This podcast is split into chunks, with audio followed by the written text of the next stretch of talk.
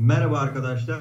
Being Connect'in sunduğu Yaşasın Bazı Filmler podcastimize hoş geldiniz. Ben Burak Ülgen. Ben Furkan Yücel. Ee, yeni bir e, podcast'te karşınızdayız. Yeni bir Yaşasın Bazı Filmlerle. Bu podcast'imiz e, biraz konsept bir içerik olacak. E, yeni sponsorumuz Being Connect e, çerçevesinde konuşacağız biraz. İstiyorsan sen birazcık Being Connect'ten bahset Furkan'cığım. Hemen bahsedeyim kardeşim. Sağ olsunlar e, podcast'imize sponsor oldular. E, zaten e, içeriklere de baktık.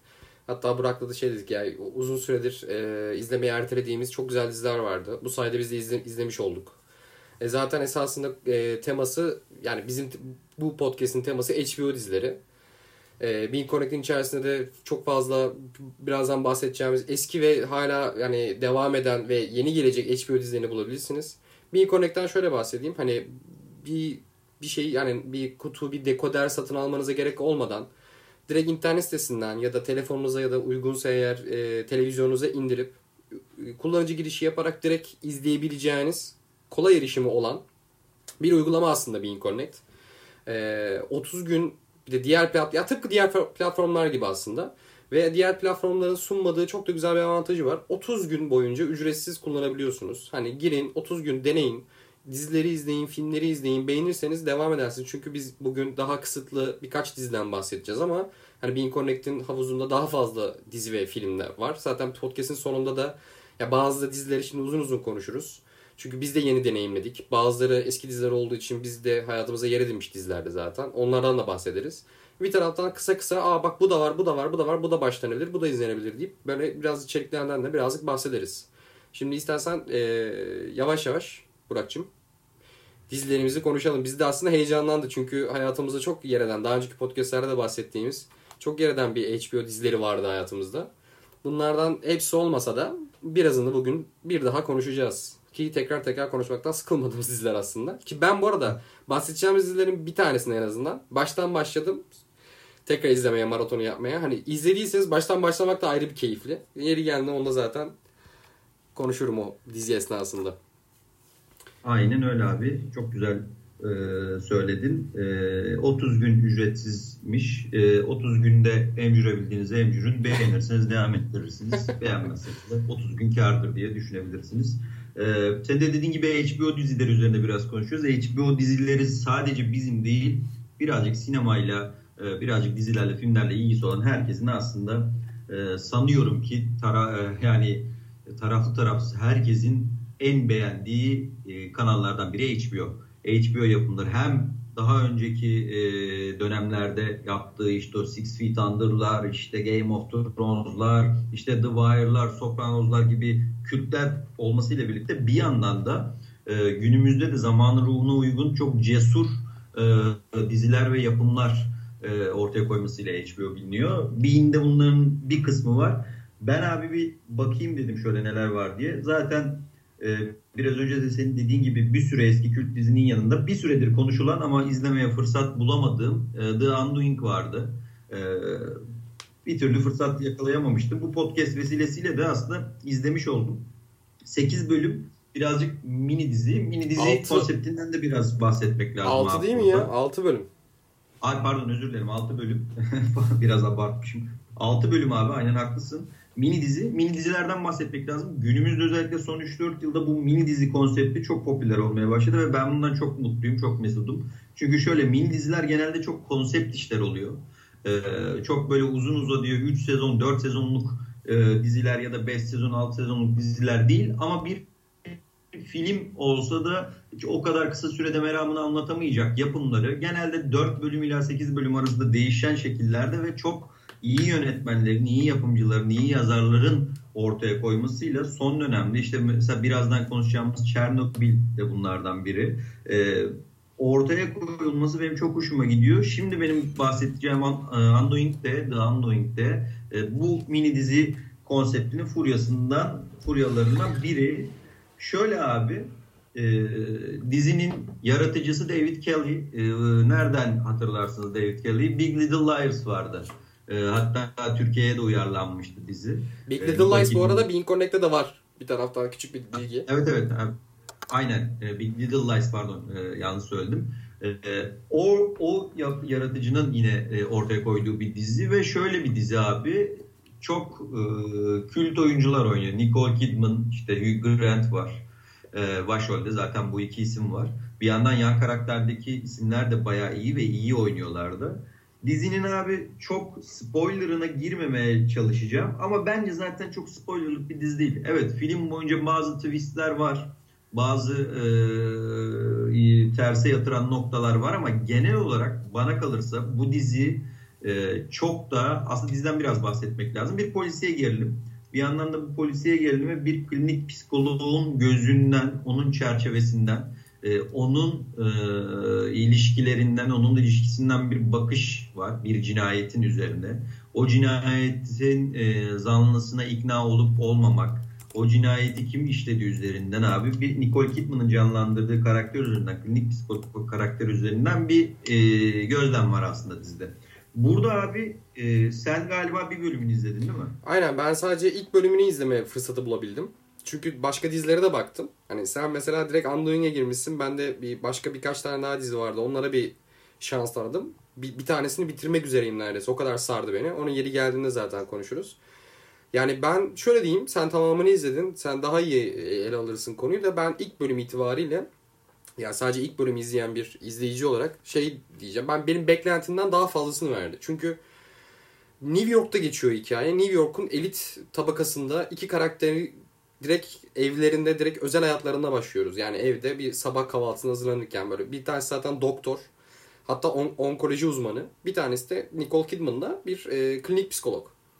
Yani e, bunların böyle daha elit hayatı işte bir müzayede düzenlemeye çalışıyorlar. Bir tanesi hastaya gidip geliyorlar. Böyle bunların hayatlarını izlerken ben böyle bir film, böyle bir dizi izleyeceğiz diye bekliyordum. Hatta e, şeyi hatırlattı bana izlerken. Bir yerden sonra çünkü gerilim unsurları girmeye başlıyordu hikayeye.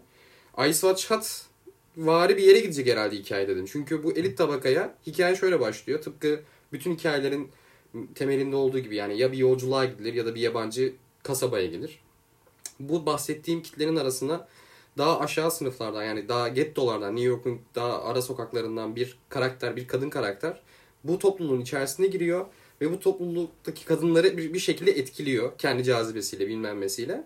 Ve yani bölüm sonunda bir yani çok da spoiler değil yani bir trajedi yaşanıyor ve zaten esas konuya orada giriyor ama ben ilk bölüm itibariyle şeyi çok sevdim. Hani hikayenin özellikle böyle bir polisiye, böyle bir suç unsuruna doğru ilerlemesi bir garip geldi. Çünkü hiç öyle bir temayla başlamıyormuş gibi yani hiç öyle bir tema işlemeyecekmiş gibi başladı. Ama hani öyle bir e, karakterler arası gerilim vermesi hani çünkü kadınların o e, aşağı tabakadan gelen kadın hayatı ve rahatlığıyla bilmemesiyle o bütün konfor zonunda rahatsız olmaları bilmem ne çok ilginç bir gerilim verdi ve ondan sonra bölüm sonu bir trajedi yaşandı. Sonrasını zaten merak ediyorum ama sen zaten dizinin tamamını izledin. Biraz buradan sonra topu sana bırakıyorum. Aynen ben de çok spoiler'a girmeden, çok detaylandırmadan aslında neyi amaçladığını dizinin biraz anlatmaya çalışayım. Dediğin nokta çok doğru bir nokta. Çok ilginç bir şeyle başlıyor. Çünkü şöyle dizi Manhattan'da geçiyor. O Manhattan'ın o lüks hayatında geçiyor. Manhattan'ın elit sınıfı arasında geçiyor. Ee, Nicole Kidman'ın karakteri bir klinik psikolog, işte eşi bir onkolojist, iyi para kazanan, işte e, Manhattan'da e, çok güzel evlerde yaşayan insanlar bunlar.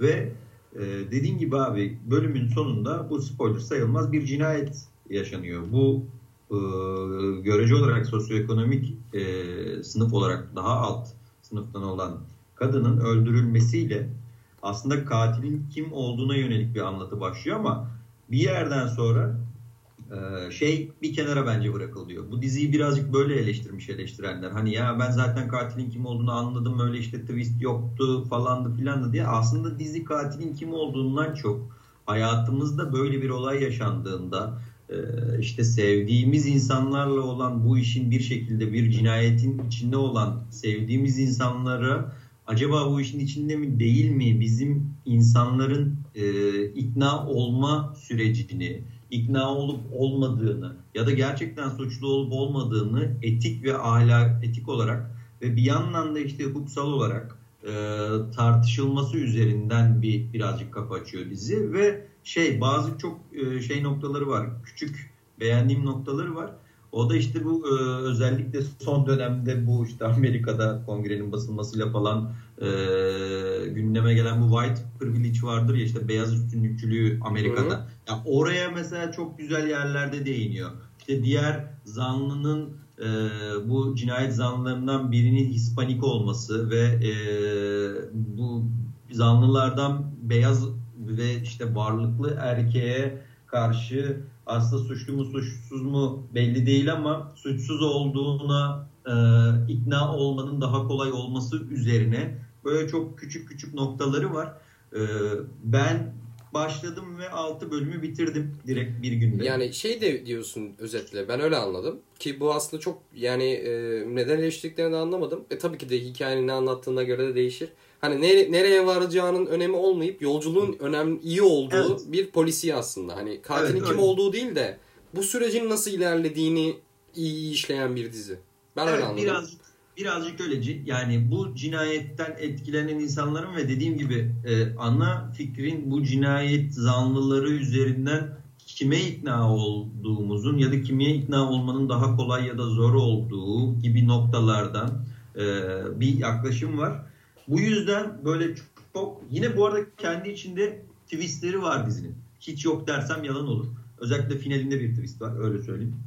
Ee, bu twistler hiç yok değil ama tamamen twist üzerine kurulu bir dizide değil. Twist sadece twistler Güzel. sadece diziyi birazcık e, renklendirmek, birazcık daha işte dikkati o noktaya koymak, e, bir bazı noktalara çekmek için konulmuş. Ama şöyle bir şey var. Dizinin evet güzel tarafları bunlar. Sürükleyici bir kere zaten. E, bir merak ediyorsun. E, içinde bulundukları durumun nereye varacağına dair bir merak oluyor. Ama bence dizinin e, ilk et bölümü bence de çok etkileyiciydi. İlk bölümünden sonra birazcık düşüyor dizi. Bunun da sebebi bence şu. Belli bir yerden sonra dizi sırtını tamamen mahkeme sahnelerine yaslıyor. Yani olaya artık olay artık mahkemeye gidiyor ve mahkemede bir dava var. Evet oradaki dediğim gibi bir yandan adalet bir yandan etik ahlak arasında bir şey var ama o mahkemeye kadarki kurulumla mahkeme sahneleri arasında birazcık bir kopukluk oluyor ama benim çok gözüme batan bir kopukluk değildi. HBO dizileri arasında değerlendirirsek e, işte atıyorum o Sopranos'lar, Six Feet Under'lar, Game of Thrones'lar gibi kült bir mertebede mi? Değil. Ama kötü bir dizi de değil. Ortalamanın bence üstünde bir dizi. Bence de ee, beni merak ettirdi ilk bölümden. Ben devamını getireceğim valla. Ve iyi oyunculuklar var öyle söyleyeyim. Yani Nicole Kidman ve Hugh Grant. Hem hem de asıl Hugh Grant çok iyi oynuyor. Yıllar sonra işte romantik komedi dışında en azından oynamıştır ama benim denk geldiğim bir romantik komedi dışında Hugh Grant'i e, kotarabildiği bir oyunculukla ve bazı sahnelerde biraz kafasının gittiği sahneler falan var. Oraları iyi oynamasıyla bence e, e, birazcık Hugh Grant yaşlanınca çirkinleşmiş ama olsun. Yine de şeyi, e, oyunculuğu kurtarıyor diyeyim. Ve hani toparlamak gerekirse aslında bence dediğim gibi dizinin temel motivasyonu katilden ziyade ya da katilin kim olduğundan ziyade tüm bu olayın içinde bir psikolojik bir e, izlence yaratmak üzerine kurulması benim hoşuma gitti diyeyim. Ben e, Anduin'i senin söyleyeceğin bir şey yoksa e, kapatayım. Yok abi ben dediğim gibi ilk bölümü izledim ama beni bayağı merak ettirdi. Çünkü yani hiç beklemediğim yerlerden gitti hikaye ve hani devamını izleyeceğim. Büyük ihtimalle podcast'tan sonra oturup devamını izleyeceğim yani. Okey abi. Diğerlerine geçelim. Ben hemen sana iki diziden daha bahsedeyim. Yine HBO yapım ve Bean'de olan. Ee, Undoing hakkında şey dedim. E, biraz önceki o saydığım kült mertebesine ulaşır mı? Bence ulaşmaz ama iyi bir dizi. Ama bence biraz önceki o saydığım dizilerdeki kült mertebesine ulaşabilme potansiyeli olan iki diziden bahsedeyim ben hızlıca. Ee, çok da yine spoiler vermeden.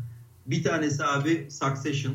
Evet Succession. çok çok erteledim ve izlemeyi deli gibi istiyorum çünkü çok övüldü. Çok da ödüle boğuldu dizi. Yani Aynen. ben hiç izlemedim ama topu sana bırakıyorum. Sen öv abi sonuna kadar. Abi, zaten dediğin gibi ödüllü bir dizi. E, bir drama. E, Jesse Armstrong'un yaratıcısı olduğu dizi. E, yine New York'ta geçiyor dizi. New York'ta yaşayan ve işte böyle çok büyük bir medya şirketlerinden birini yöneten Logan Roy diye bir herif var. Çok böyle eski kafa böyle o Amerika'nın eski kafa milyarderleri olur ya öyle bir şey gibi düşün. Öyle bir zengin düşün ve onun dört tane çocuğun hikayesi ve tüm bu hikaye aslında bir ortada medya devliği, medya imparatorluğu olduğu için aslında böyle işte güç var işte işte bir şehvet hikayesi var bir yandan siyaset var işte bir yandan abi bir, inanılmaz bir para var ortada. Ya ortadaki bir para öyle böyle bir para değil bu arada.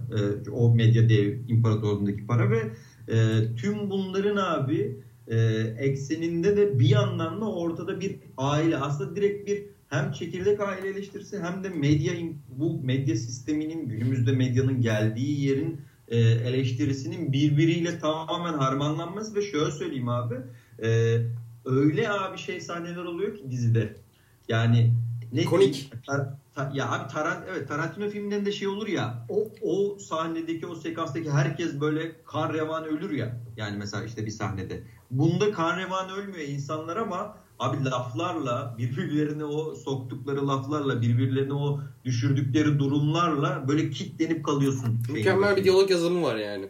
Tabi tabi hem diyalog yazımı hem de o sahne kurulumu, o tansiyonu ayarlamak derken bir yandan acayip twistli yerleri var.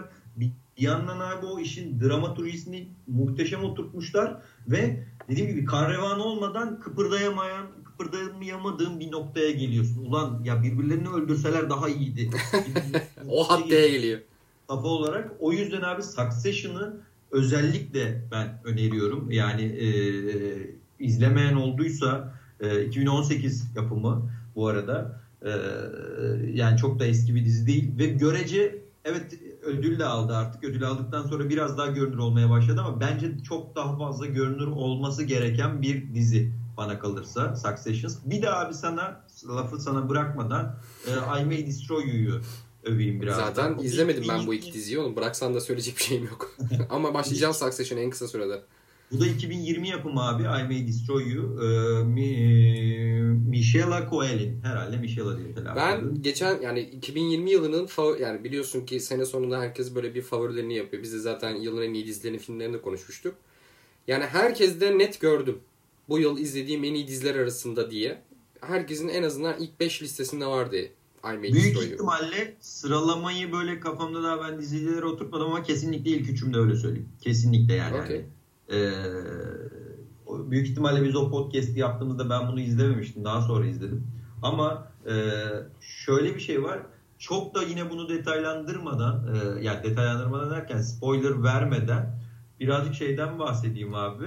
E, yaratıcısının aslında birazcık e, ne denir otobiyografik, çok otobiyografik değil ama kendinden esinlenerek aslında bir oyuncu daha önce e, şey yazarlığı da var ama bir tane dizide var sadece bir oyuncu Michelle Coel'in abi e, ortaya koyduğu bir yarattığı bir dizi. E, şeyden hatırlayabilir bu arada insanlar. Bir sürü e, yerde oynadı kendisi ama en benim mesela ben görünce şeyden hatırladım direkt. Bu e, Black Black Mirror'da şey bölümü vardı hatırlar mısın? Star Trek'le dalga geçildi. Aa evet uzay evet. Uzay yoluyla e, uzay yolu simülasyonu oldu. Oradaki siyahi abla e, onun yarattığı bir dizi birazcık dediğim gibi kendi yaşadıkları üzerine e, bir e, hikaye anlatıyor. Şöyle abi kısaca konusu e, büyük bir travma yaşayan bir kadının hayatına odaklanıyor. Yani işte Arabella diye bir yazar abi. Yazdığı işte ilk kitap bayağı bir başarı getiriyor. İkinci kitabını yazmaya başlıyor ama bayağı da bir stres altında. Yani bir gün bir gece kulübünde bir cinsel saldırıya uğramasıyla hayatı değişiyor ve tüm bu yaşadıkları her şeyi tekrardan kendi kendine değerlendirmeye başlıyor ve burada en önemli şey bence bu diziyi bu kadar kıymetli kılan, bu kadar özel kılan şeylerden biri de özellikle son yıllarda, son dönemde üzerine tartışılan ve kesinlikle tartışılması gereken e, günümüzde kadınlara olan şiddetin ve tacizin iyice arttığı ve ne yazık ki e, iğrençleştiği ve görünür olduğu günümüzde abi rıza e, şeyi vardır ya hı hı. rıza kavramı vardır işte birileriyle bir ilişkinde hem e, bu cinsel anlamda da olabilir hem psikolojik anlamda da bir rıza e, kavramı vardır. Hem bir rıza inşa etmek üzerine. Ya bu bunun üzerine bu arada bir sürü tartışma dönüyor. İşte Twitter'da çok dönüyor. Bunun üzerine makaleler var. Bunu bence herkesin özellikle bu rıza meselesinde bir ilişkide partneriyle olan ilişkisindeki bir o, o rızayı inşa etmek meselesini ya da bazı olumsuz durumlarda o rızanın yok sayılmasının aslında sana göre çok basit bir meselenin e, yani atıyorum şu Yani çok çok basit bir örnek vereceğim. Ee, mesela işte Edinir abi zorla bir partnerinle sevişirken zorla fotoğrafını çekmeye çalışmak mesela hmm. gibi. Yani veya ne var canım işte ben, ben biz de kendi fantazimizi kullanacağız gibi gibi noktalardan. Çok Ama güzel orada, konulara değiniyormuş burada ha, ya. Çok... da abi o rızayı aslında karşı taraftan alınsa da nasıl alınıyor ama işte bir yandan o rıza kavramı nedir ne değildir üzerine bence ee, yani çok da aslında bakarsanız bence benim de üzerine çok ahkam kesebileceğim bir şey değil. Evet ben bazı noktalardan değerlendirebiliyorum ama bence bir e, kadının e, çok çok daha izleyip ve üzerine benim çıkarımlarımın 10 katı daha güzel çıkarım yapabileceği bir dizi diyeyim ve bu yılın kesinlikle en, en iyilerinden ve özellikle bu rıza kavramına bakış açısı ve bunu yaparken bu arada şey de bence çok önemli. Çok da inanılmaz inanılmaz politik doğrucu bir yerden de yaklaşmıyor. Yani hatalardan da bahsediyor. Evet. Aslında biraz politik... tespit yapıyor. Hani Evet politik doğrucu olduğu yerler de oluyor ama totalde çok etkileyici ve girilmesi gereken sulara, konuşulması gereken şeylere e, girmesi açısından benim için abi oldukça etkileyici bir dizi. Ben de yanlış Sana... anlaşılmasın. Sen konuyu an, anlatırken hani ne kadar güzel konulara giriyormuştan kastım. E, işin yani seksüel ya da cinsel konu şey anlamında değil. Şu an bile hala Twitter'a girdiğinizde politika dışında politika dışında konuşulan konudur. Hani insan ilişkileri arasında rıza ilkesinin nasıl olması gerektiğiyle alakalı uzmanlar, gerek uzmanlar gerek herkesin yani hepimizin be, bir fikir beyan ettiği bir konu aslında. Bu konu hakkında bir dizi yapılması çok değerli bir şey bence. Aynen öyle. Bunu söylemek istemiştim. Ha. Öyle merak ettim ya diziyi. Deyip, bence bir başta. O zaman yavaş yavaş biraz da eskilerden biraz da efsanelerden bahsedelim ya. ne dersin? Mesela e, podcast'ın başında da sözünü geçirdiğimiz Game of Thrones Mesela ben bu noktada şey demeyi çok isterim. Çünkü ben Game of Thrones'a yeniden başladım abi. Sebebi de şu. Ben e, kitapların şu an ikincisindeyim. Kitapları da okumaya başladım çünkü. E, Game of Thrones'u seviyordum. Daha önce de konuş, podcast'te çok uzun uzun konuştuk Game of Thrones'un iyi yönleri, iyi yönleri, kötü yönleri. Bu arada güncel konuşmuştuk hatta. E, şimdi tekrardan konuşmakta fayda var. Çünkü mesela Lost da hayatımda her ne kadar insanların çok iyi başladığını söyleyip kötü bittiğini söylese ki ben de onlardan bir tanesiyim. Ben tekrar tekrar izlemeyi seviyorum çünkü çok güzel bir hikaye anlatım var. Onu tekrar tekrar deneyim etmek güzel geliyor insana. Şimdi kitapları okuyorum ve bir taraftan diziye yeniden başladım. İzliyorum. Abi ne güzel diziymiş ya. Yani gerçekten George R. R. Martin yazım konusunda gerçekten yani e, Yüzükler Efendisi podcastinde de konuşmuştuk. Hani fantastik edebiyata kattığı şey gerçekten çok büyük bir şey ya. Hani devrim niteliğinde diyeceğim burada. Çünkü hani çoğu insan Game of Thrones'a ilk sezondaki şu an spoil izlemeyenler vardır bilmiyorum. Yoktur abi. Bence yani ya kusura bakmayın Game of Thrones konuşurken spoiler ver canım bir şey olmaz işte. ya herkes mesela Ned Stark e, twistiyle izlemeye başladı. Ama dizi ve hani George R. R. Martin bu edebiyat, bu hikayeyi, bu e, ele aldığı konuları twist'e sırtını dayamamış. Çok mükemmel şeyler anlatmış ya. Mesela en basit örneği Game of Thrones'un yeniden maraton yapmanın bu arada güzel tarafı da şu izlediyseniz tekrar izlemenin bence faydası var. Çünkü birincisi kafa açıyor. Benim kafamı çok açtı abi. Hem kitap hem dizi şey diziye baştan başlamak.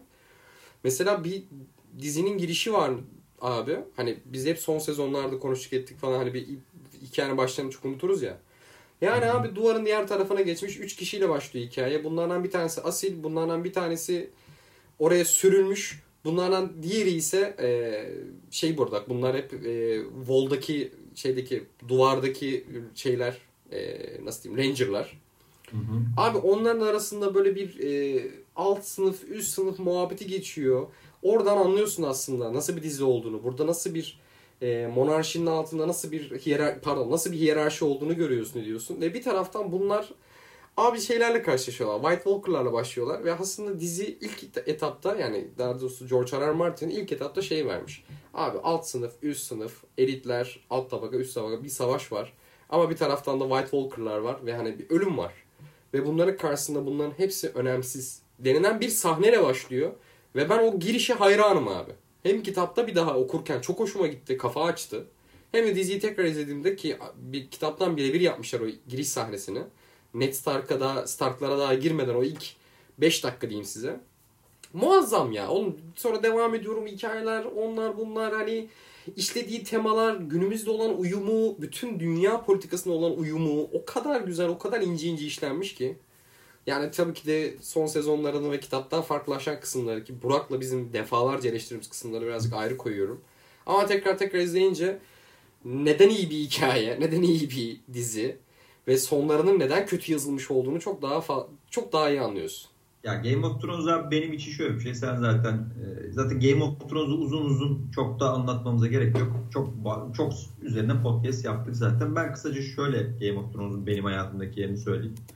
Ben çok büyük bir fantastik e, dünya şey fantastik edebiyat e, hayranıyımdır. E, burada R.R. Martin en büyük e, yeniliği şöyle yaptı şöyle bir söz vardır. Evet, kendisinin sözüdür. Evet Tolkien Aragorn'u kral yapar sonunda Yüzüklerin Efendisi'nde ama o krallığın nasıl işlediğinden hiç bahsetmez. Kendisi abi bunu en ince ayrıntısına kadar muhteşem bir şekilde yapan bir insan. Sistemin belli kahramanlarını değil de sistemin çürümüşlüğünü anlatır. Evet, belli bir yere kadar dizi de muhteşem gitti. Yani kesinlikle muhteşem gitti. Ama burada işte şeyi de söylemeden olmaz.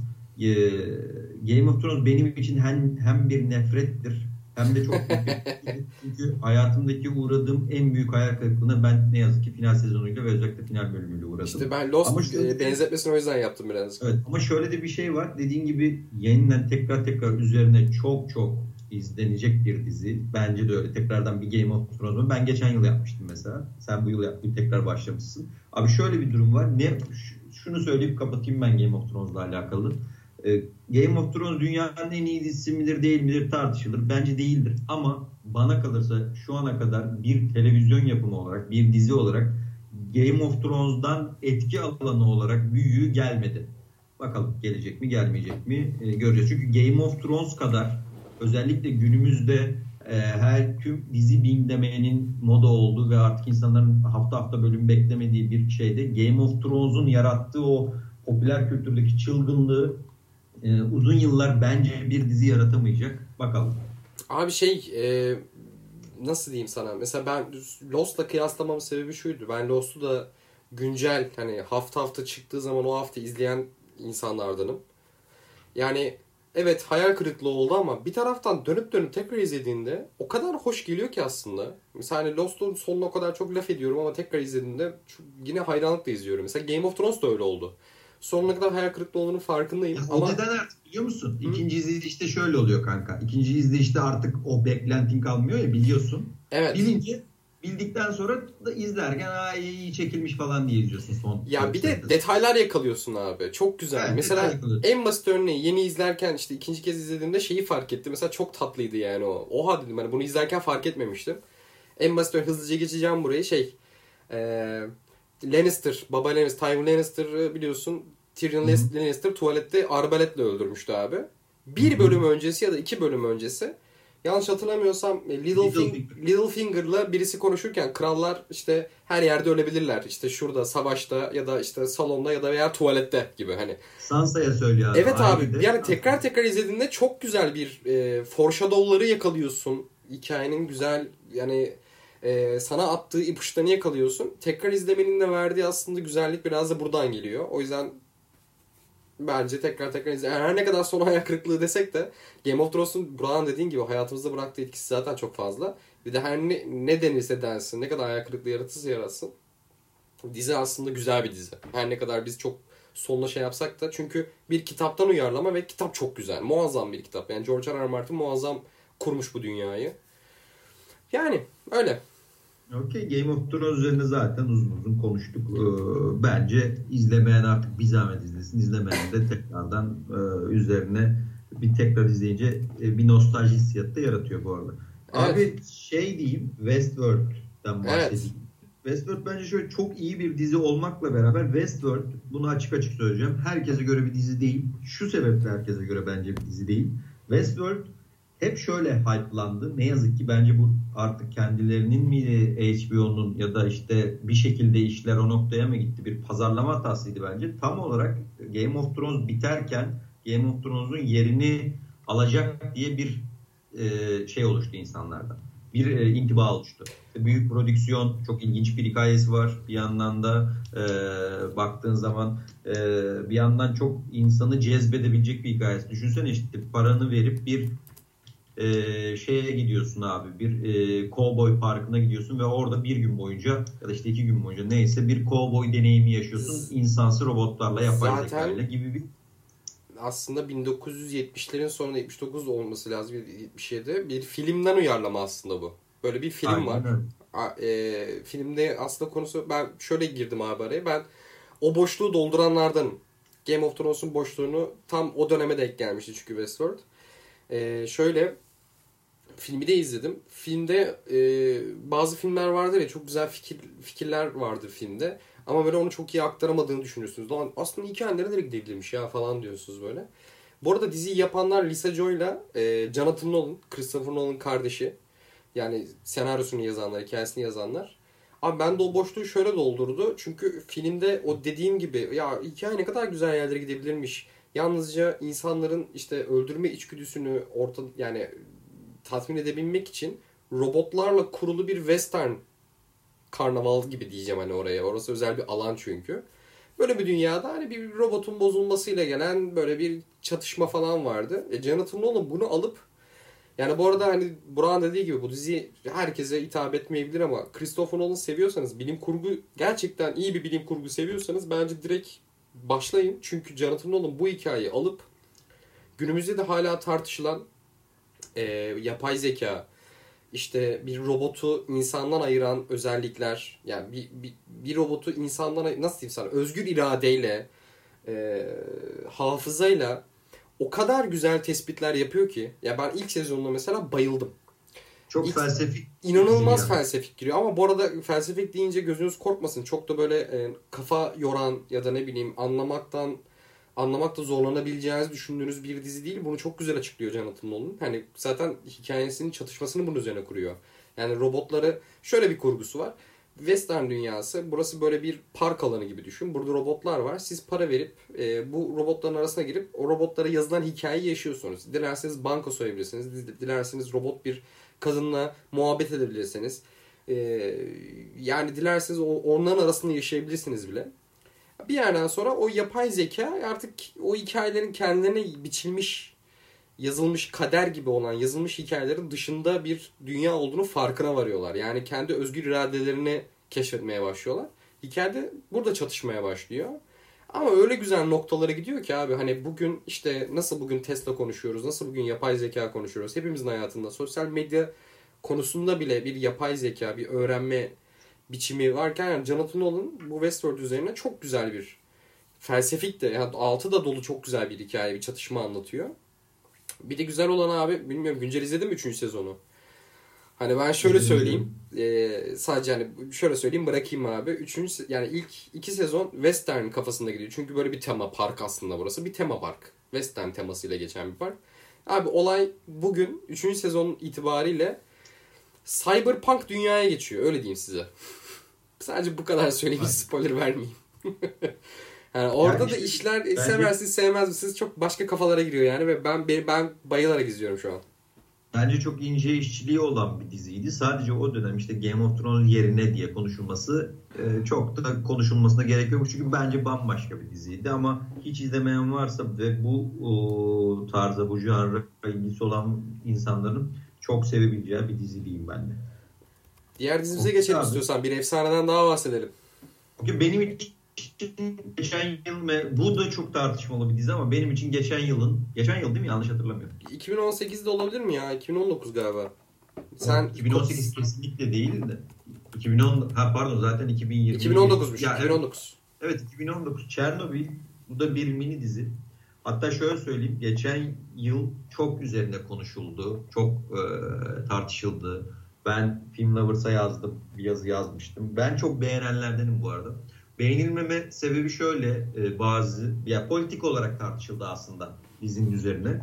E, çünkü e, çok e, dünya üzerinde bilinen bir e, trajediyi en büyük olaylardan birini Çernobil nükleer santralinin patlaması üzerine bir e, oradaki e, yaşayan, oradaki o insanların e, o Çernobil san, e, nükleer santralinde çalışanların içinde bulunduğu durumu, o atmosferi bize anlatan diziydi ve şöyleydi. Dizi abi politik olarak çok tartışılı. Bence dizi politik olarak doğru bir yerden anlatıyor. Öyle söyleyeyim. Kimisi işte çok Amerikan gözüyle anlatıyor dendi. Ha, işte evet. çok dedi işte o dönem işte Sovyetler şöyleydi böyleydi ama şöyle bir gerçeklik de var. O dönemin Sovyetleri de evet bu işi saklamıştı. Ee, neden sakladığı üzerine de dizide de biraz bahsediliyor. Bence dizi her şeyden ziyade e, hayatımda benim izlediğim bu özellikle mini dizilerde ve dizilerde atmosfer olarak kendimi içerisinde hissettiği, inanılmaz hissettiğim en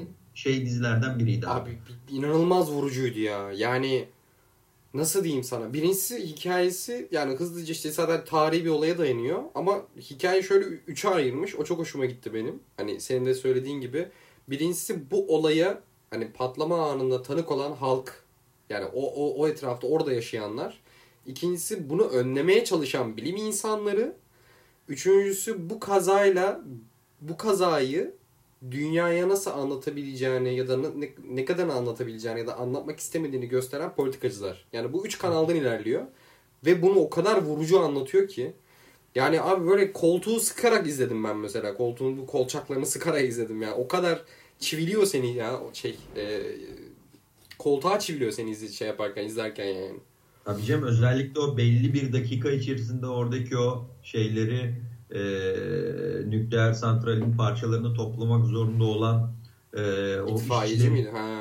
e, yaşadığı itfaiyecilerin e, yaşadığı gerilim işte 90 saniye içinde hemen toplayıp çıkmak zorunda radyasyondan etkilenmemek için orada sanki sen topluyormuşsun gibi gerçekten. Evet. Özellikle, özellikle abi bu atmosferin yaratımında hem müthiş bir görüntü yönetmenliği var hem de bu e, Jared Harris ile Stellan e, Skarsgård'ın muhteşem oyunculuğu var. Bir de filmin müzikleri abi. Zaten e, filmin müziklerinde Joker'in müziklerini yapan abla yapmıştı.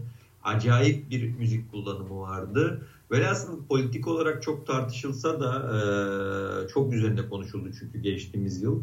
Ama bence e, dediğim gibi atmosfer olarak insanı çok bambaşka bir noktadan yakalayan ve e, bir kere dizinin içine girdiğinizde ya büyük ihtimal şimdi başlasın sabaha kadar hepsini izleyeceğiniz bir e, dizi diyeyim. Ya dizi. aynen yıllar yıllar sonra bile parmakla gösterebilecek bir dizi yani. Çünkü böyle bir tarihi olayı bu kadar vurucu ve bu kadar güzel anlatabilen bir dizi daha var mı? O, yani tartışılır tabii de hani yakın dönemde çıkmış en iyilerinden bir tanesi diyebiliriz. Hatta en iyisi diyebiliriz yani bence biraz iddialı konuşup. Aynen öyle. Okey. e, son olarak e, ben de bir diziden bahsedeyim. Bunu sen izlemedin diye düşünüyorum. Ben de Being Connect'in bu içeriklerine bakarken bir tane diziye denk geldim. Sanki içime doğmuş gibi diyeceğim bu arada. Çünkü birazdan anlarsınız. The Third Day. Ben izlemedim abi. The Third Day diye bir dizi. Başrolünde Jude Law var. Hı hı. Ee, ben konuyu okumadan daldım direkt biliyor musun abi? O izliyorum böyle. Aha, böyle bir acayip başladı. Böyle bir dramatik başladı. Jude Law yine ağlıyor. Her dizide ve her filmde olduğu gibi. Ondan sonra çocuğunu kaybetmiş e, bir e, karakter ve yani onun yıl dönümünü böyle yani bir ritüelle şey yapmaya çalışıyor. Hani yaşamaya çalışıyor falan. Abi sonra böyle iz- bu var 3 dakika falan ha. Sonra böyle birini görüyor. Ondan sonra o kadar tuhaf şeyler oluyor ki yani özetleyeyim spoiler de vermek istemiyorum çünkü nasıl spoiler vereceğimi de bilmiyorum. Çünkü dizi şöyle bir dizi. Dizi 3 bölüm boyunca çünkü 3-3 ayırmışlar bu arada. Bir Summer diye bir 3 bölüm diye anlatıyor. Başka bir hikaye yani Jude Law'ın hikayesini anlatıyor. Bir de Winter diye başka bir hikaye anlatıyor. Bunlar birbirleriyle bağlan, bağlantılı zaten. Abi tüm dizi bölümleri bir rüya. Bir rüya böyle bir kabus gibi. Yani o kadar ilginç bir David Lynch çekmiş gibi. Öyle diyeyim sana. Ulan bu gerçek mi? Bu hayal mi? Adamın yaşadığı vicdan azabı mı? Falan diye böyle tahminler yürütüyorsun. O kadar öyle çıkmıyor ki. Yani diziyi de size şöyle özetleyeyim mesela. Hani tema olarak şöyle özetleyeyim. Midsummer sevdiyseniz Ari Aster'in son filmi e, böyle hani kültler, e, keltik ve nordik inançlar e, ve Lost'u sevdiyseniz ve garip bir şekilde ben izlerken hep şu havayı aldım. İşte hani başta söylediğim gibi sanki içime doğmuş dediğim taraf burası. Ulan izliyorum izliyorum böyle müzik kullanımı böyle deforme müzik kullanılıyor. İlginç bir gerilim var. Böyle çocuklar var hikayede falan diyorum. Ütopya'ya çok benziyor ya. Ütopya'ya benzeyen bir taraf var falan dedim. Abi ilk bölüm bir bitti. Yani yazarın arasında Deniz Kelly'yi gördüm ve Deniz Kelly'yi direkt hatırladım. Ütopya'nın yazarı. Benim haberim yoktu. Bu aslında 2020'nin sonlarında Eylül aylarında falan çıkmış bir dizi. Çok da konuşulmamış bir dizi. Bence çok iyi bir dizi. Ya bence kaçırılmaması gereken bir dizi. Deniz Kelly yine e, Ütopya vari bir dünya kurmuş. E, Ütopya'da biraz daha tabii daha böyle yani bugünümüzde birazcık andıran böyle bir e, nasıl diyeyim sana bir komplo teorisi üzerine kuruluydu. Burada da biraz daha başka kafalara girmiş. Burada tıpkı Ari Aster'in Midsommar'da girdiği gibi daha keltik, zaten keltik inançları üzerine bir adaya, bir adada, bir ufacık bir yerde geçiyor. Lost, Lost'a benzettiğim taraf da şey abi, İngiltere'nin hemen yanında bir ada var. Tıpkı bizim bizim büyük ada gibi. Abi oraya gemiyle gidemiyorsun, uçakla gidemiyorsun. Sadece şu var, belli saatlerde deniz alçalıyor ve bir yol ortaya çıkıyor. Ve o yolda arabayla geçiyorsun. Bu kadar. Yani oha nasıl bir nasıl bir konsept bu falan dedim böyle izlerken. Ve yani Jude Law oraya gidiyor. Orada insanlar o kadar tuhaf konuşuyor ki ve o kadar tuhaf şeylere denk geliyor ki Jude Law orada. Lan bu diyorum hayal mi? Bu adamın vicdanı mı? Bu adam ne yaşadığı falan. O kadar sürükleyici bir dizi ki ben sevdim. Yani Bin Connect'ın arasında dediğim gibi abi rastgele seçtim. İçime doğmuş gibi ki Ütopya'yı çok seven birisiyim. Podcastlerden hatırlarsınız. Hani bu dizi benim direkt radarıma girdi. E, bitirmek üzereyim zaten. Bir iki bölüm kaldı. E, bence deneyin. Deyip bağlayayım. Sana da böyle anlatmış olayım Burak. Sen izlemedin çünkü. Benim de dikkatimi e, celbettin. Öyle söyleyeyim. Yani abi bu bahsettiğim temalar sürekli böyle örnekler verdim dizilerden, filmlerden. Çünkü o kadar tuhaf ki yani bir David Lynch vari bir dünyası da var çünkü. Yani neresinden neyi anlatacağımı bilemedim. Çünkü çok fazla tema işliyor.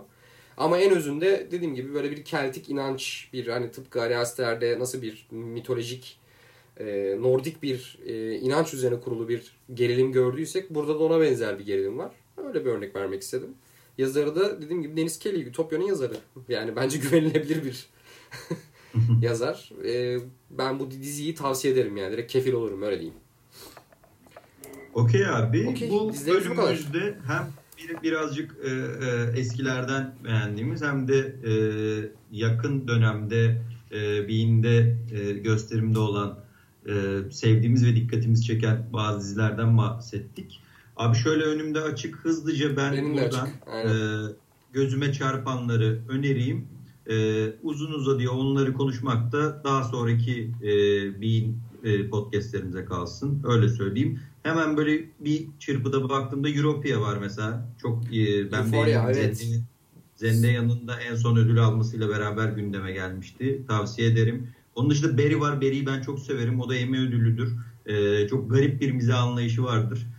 Kimisi sevmez ama benim mizah anlayışım uygun olduğu için ben bayağı beğenirim. Ee, tabu var. Tabuyu sen... Ben de tam onu önerecektim biliyor musun? Tabu. Aynen. Tom Hardy'nin yani. babasıyla beraber yazdığı yanlış hatırlamıyorsam eğer. Yani böyle Peaky Blinders vari eski dönem İngiltere'ye yine böyle bu ruhani tarafları seven bir yani böyle hikayeleri seven bir insan var birisiyseniz direkt gömün bence. Çünkü çok güzel bir dizi. Ben hatta böyle merakla bekliyorum ikinci sezon ne zaman çıkacak? Çünkü çok da yeni bir dizi değil. 2018 ya da 2017 falan olması lazım. Aynen öyle abi. Onun dışında e, bakıyorum başka önerebileceğim burada. Ben araya şey sen bakarken şey ekleyeyim. Lovecraft Country yeni bir dizi. E, 2020'nin sonlarında çıktı. Adıyla e, şey ilişkili olarak yani çok Lovecraft vari bir dünyası var böyle hani ama Amerika'nın eski bu siyahi beyaz çatışmaların olduğu bir dönemde geçen bir Lovecraft hikayesi. Yani işin politik tarafı da var, işin fantastik canavarlı, tentakıllı, ahtapotlu tarafları da var. Çok çok ilginç bir dizi.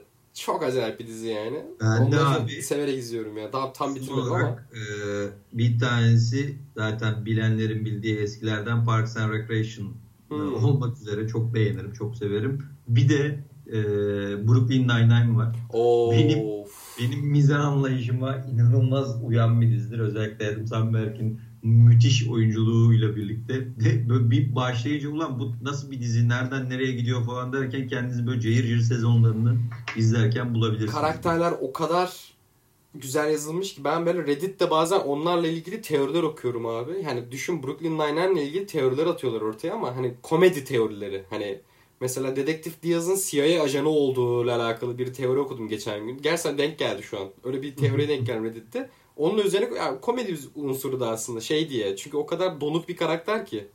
hani olaylara o kadar donuk ve duygusuz bakıyor ki aslında hani onların arasında onların bilgisini almaya çalışan bir ajan olarak böyle bir teori atmışlardı ortaya. Abi sadece şey Diaz de değil yani Andy Samberg'in karakteri şeyin o e, Brooklyn Nine-Nine'in müfettiş şeyi müdürü o kadar absürt ve o kadar güzel karakterler ki bayılarak izliyorum ben de ya. Okey abi. Ee, o dediğim gibi daha sonra daha uzun uzadıya e, Diğer konuşuruz. konuşuruz. Aynen. Being Connect'in sunduğu Yaşasın Bazı Filmler e, özel konsept yayınımızı e, sonuna geldik. Dinleyen arkadaşlarımıza çok teşekkür ederiz. Aynen. Ee, Tekrardan burada şeyde belirtmekte fayda var. Yine yani biterken tekrar söyleyelim. Eğer şey yapmadıysanız hani 30 gün ücretsizlik. Ücretsizlik yalnız konuşamadım. 30 gün 30 ücretsiz gün var. bedava. Aynen 30 30 gün beleş, ücretsiz. öyle diyelim. Girin, deneyin, izleyin. Bakın çünkü biz bugün işte 7 tane 8 tane diziden bahsettik ama içeride, içeride bir sürü daha dizi film var. Ee, yani herhangi bir şeyi bir kutu bir dekoder satın almanıza gerek yok. Web sitesi girin, üyeliğinizi alın ve izleyin abi. Direkt telefonunuza ya da televizyonunuza ya da bilgisayar kullanıyorsanız gün içerisinde direkt izleyebileceğiniz bir platform Bean Connect.